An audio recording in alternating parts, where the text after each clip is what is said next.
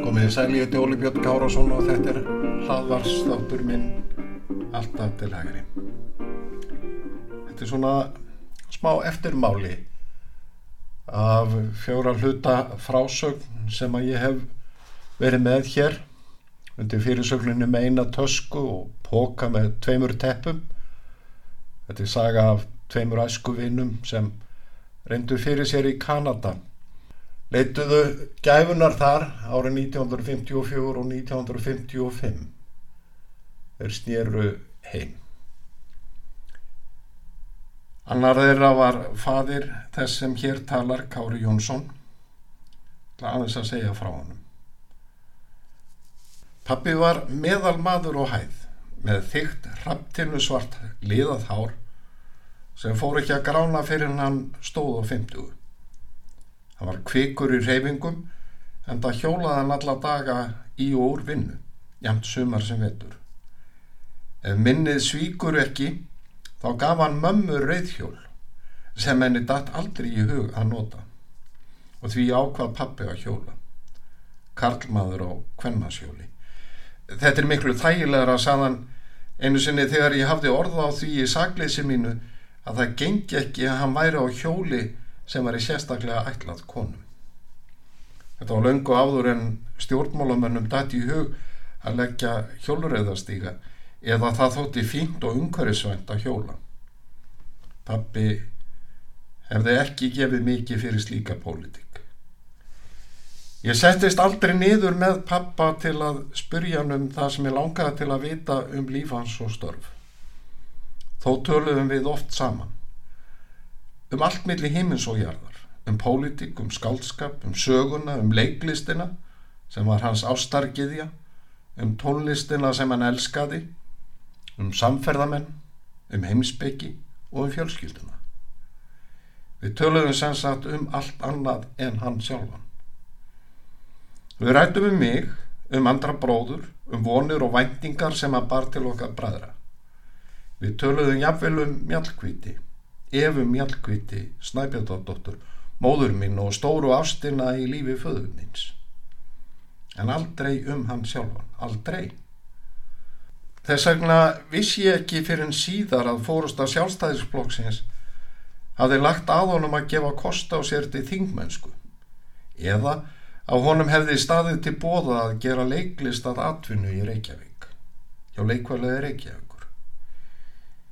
Ég vissi heldur ekki að pappi hafði ætlað að komast í kanadíska flugherrin þegar hann var liðlega tvítugur. Ekki til að gerast flugmaður, heldur hafði hann hort til flugvirkjunar. Pappi fekk heilablófall nokkrum árum áður en hann lést og var aldrei sami maður. Hann gatt sætt sig við reyfi hömlun en aldrei við hömlun í tali. Fyrir áfallið var pappi fljúandi mælskur, leikara guðsnáð, magnaður ræðumadur, ótrúlugur sögumadur og eftirherma. Hann var maður orðsins. Hann lamaðist á hægri hlið og því var rítöndin ónýtt. Með þrautsegju og meðfættri þrjósku fór pappi að skrifa með vinstri hendi, þá 53 ára gammal.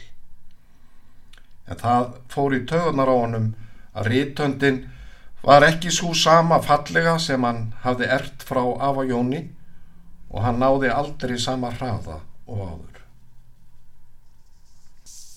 Margt í sögu föðumins er mér hulið.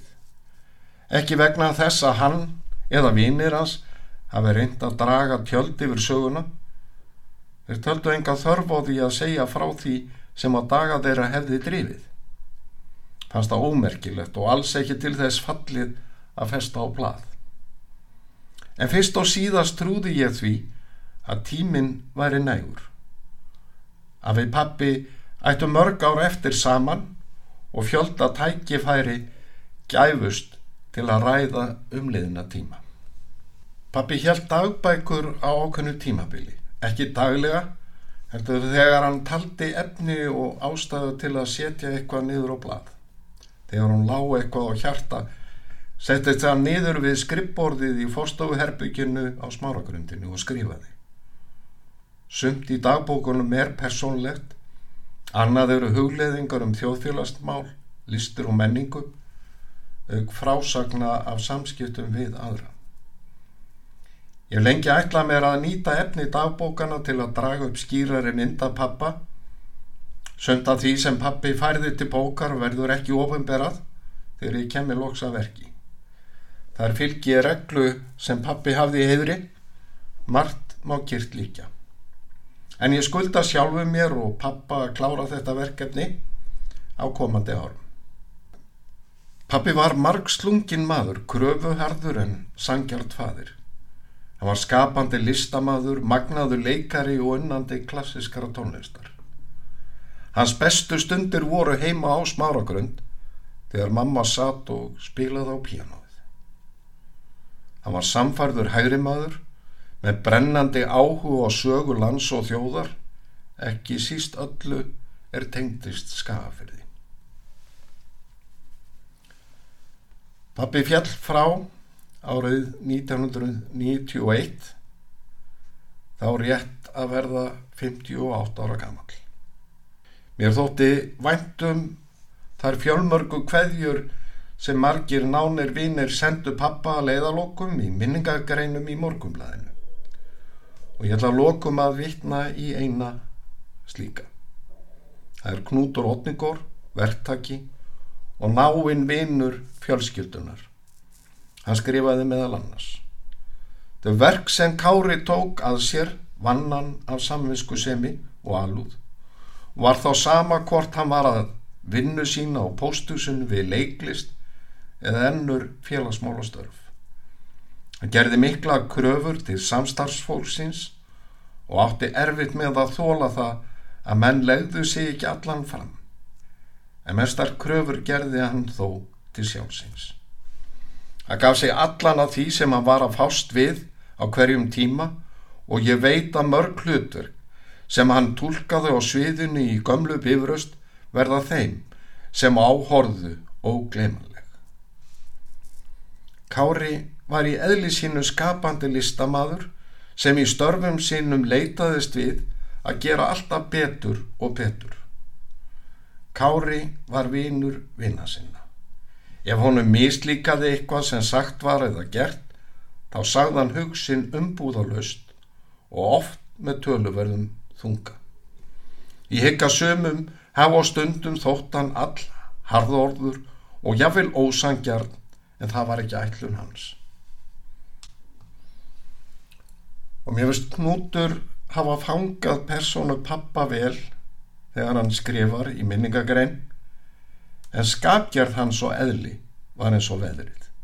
Hann gatt verið kvass og kaldur eins og norðan vindurinn, kátur og hress eins og vorgólun eða mildur og hlýr eins og skaffisk sömaranótt.